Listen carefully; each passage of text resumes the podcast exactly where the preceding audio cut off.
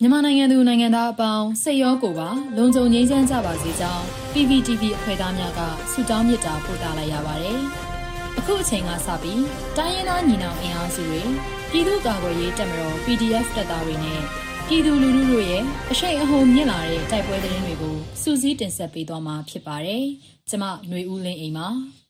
ထမဆုံးအနေနဲ့ဆလင်းမှာတက်မ101လက်အောက်ခံတရင်254ရဲ့ခရမ်းတိုက်ကို PDF ကဖောက်ခွဲတဲ့တဲ့ရင်ကိုတင်ဆက်ပေးမှာပါ။မကွေးတိုင်းဆလင်းမြို့မှာအကြမ်းဖက်စစ်တပ်ကအဓိကအားထားနေရတဲ့တက်မ101လက်အောက်ခံတရင်254ရဲ့ခရမ်းတိုက်ကိုဇူလိုင်လ23ရက်နေ့ည8:48မိနစ်မှာပောက်ကွဲအားပြင်းထန်တဲ့မိုင်းနှလုံးနဲ့ပြည်သူ့ကာကွယ်ရေးတပ်မတော်ဆလင်းကဖောက်ခွဲတိုက်ခိုက်ကြောင်းအဆိုပါအဖွဲ့မှတာဝန်ရှိသူကပြောပါရယ်။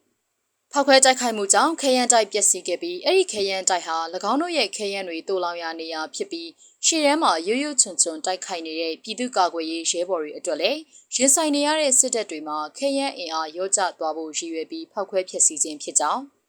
ဆက်လက်ပြီးစစ်ကောင်စီရဲ့တပ်ဖွဲ့တွေနဲ့ထောက်တိုင်တွေကိုရှင်းလင်းတိုက်ခိုက်ချေမှုန်းသွားမှာဖြစ်ကြောင်းပြည်သူ့ကာကွယ်ရေးတပ်မတော်စလင်းကသတင်းထုတ်ပြန်ထားပါတယ်။ ဆက်လက်ပြီးငန်းစုံမြို့နယ်တွင်ညအချိန်ဘီယာဆိုင်မှပြန်လာတဲ့စစ်ကောင်စီတပ်ဖွဲ့ဝင်တွေမိုင်းဆွဲတိုက်ခိုက်ခံရတဲ့တဲ့ရင်ကိုတင်ဆက်ပေးပါမယ်။မန္တလေးတိုင်းငန်းစုံမြို့နယ်တားကျင်ကျေးရွာနဲ့နတ်ကြီးကျေးရွာအကြားမှာဘီယာဆိုင်မှတောက်စားပြီးအင်စီကားနှစ်စီးနဲ့ပြန်လာတဲ့အကြမ်းဖက်စစ်ကောင်စီတပ်ဖွဲ့တွေကိုဒေသခံကာကွယ်ရေးတပ်ဖွဲ့တွေကဇူလိုင်လ12ရက်နေ့ည9:30မိနစ်မှာမိုင်းဆွဲတိုက်ခိုက်ခဲ့ကြောင်း CDSOM အဖွဲ့ထံမှသိရပါဗျ။ အကြမ်းဖက်စစ်ကောင်စီတပ်ဖွဲ့တွေဟာ Mark 2နဲ့ Honda Fit ကားနှစ်စီးနဲ့ပြန်လာခြင်းဖြစ်ပြီးမြောင်မြို့နယ်ပြည်သူ့ကာကွယ်ရေးနဲ့လုံခြုံရေးအဖွဲ့ CDSOM အမျိုးသမီးစစ်တီတော်တရင်မြောင်နောင်ရိုးအထူးပျောက်ကြားတဲ့ NYSGF မန်ဆွေကြားပြည်သူ့ကာကွယ်ရေးတပ်ဖွဲ့တို့ပူးပေါင်းဖောက်ခွဲတိုက်ခိုက်ခဲ့ခြင်းဖြစ်ပြီးစစ်သားတွေထိခိုက်ဒေဆုံးမှုရှိမရှိကိုအတိမပြုနိုင်သေးပါဘူး။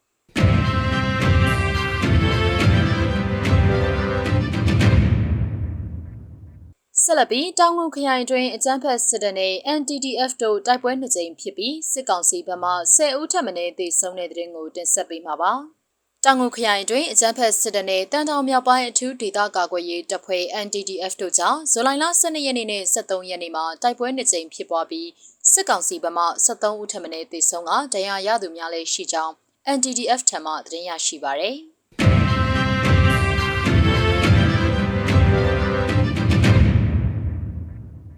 ရန်ကုန်မြို့တကုံရှိရဲ6ပတ်ရေးဌာနကိုနန်းထိုင်အောင်စစ်စင်ရေးအဖြစ်တိုက်ခိုက်မှုမှာရဲများထိခိုက်ဒေဆုံးမှုရှိတဲ့တဲ့ရင်ကိုဆက်လက်တင်ဆက်ပေးမှာပါ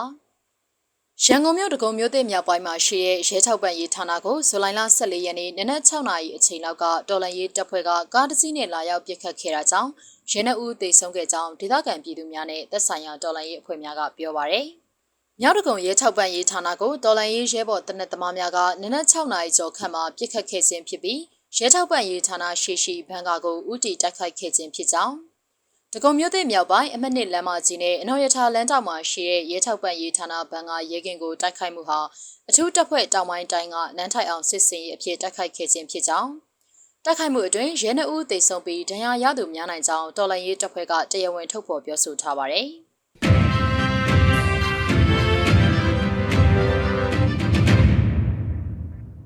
ဆက်လက်တင်ဆက်ပေးမှာကတော့ခင်ဦးမှာစစ်သား၈ဦးမိုင်းဆွဲခံရပြီးတေဆုံးတဲ့တဲ့တင်မှာ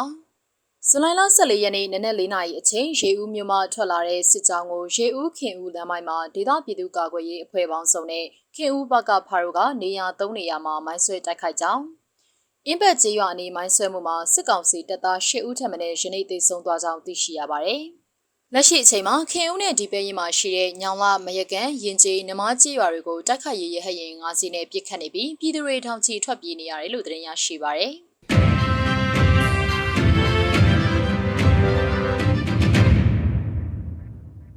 နောက်ဆုံးအနေနဲ့အမျိုးသားညီညွတ်ရေးအစိုးရပြည်ထရေးနဲ့လူဝင်မှုကြီးကြပ်ရေးဝန်ကြီးဌာနက2022ခုနှစ်ဇူလိုင်လ14ရက်ရက်စွဲနဲ့ထုတ်ပြန်တဲ့ပြည်သူ့ခုခံတော်လှန်ရေးသတင်းအချက်အလက်တွေကိုတင်ဆက်ပေးသွားမှာပါ။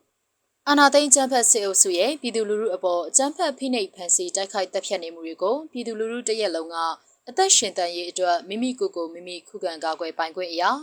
ပြည်သူခုခံစစ် People's Defensive War ကိုဆင်နွှဲလျက်ရှိပါတယ်။တရင်ချက်လက်များအရ73ရက်9လ2022ရက်နေ့ဗုဒ္ဓဟူးနေ့မှာစစ်ကောင်စီတပ်ဖွဲ့ဝင်84ဦးသေဆုံးပြီးထိခိုက်ဒဏ်ရာရရှိသူ22ဦးအထိခုခံတိုက်ခိုက်နိုင်ခဲ့ပါတယ်။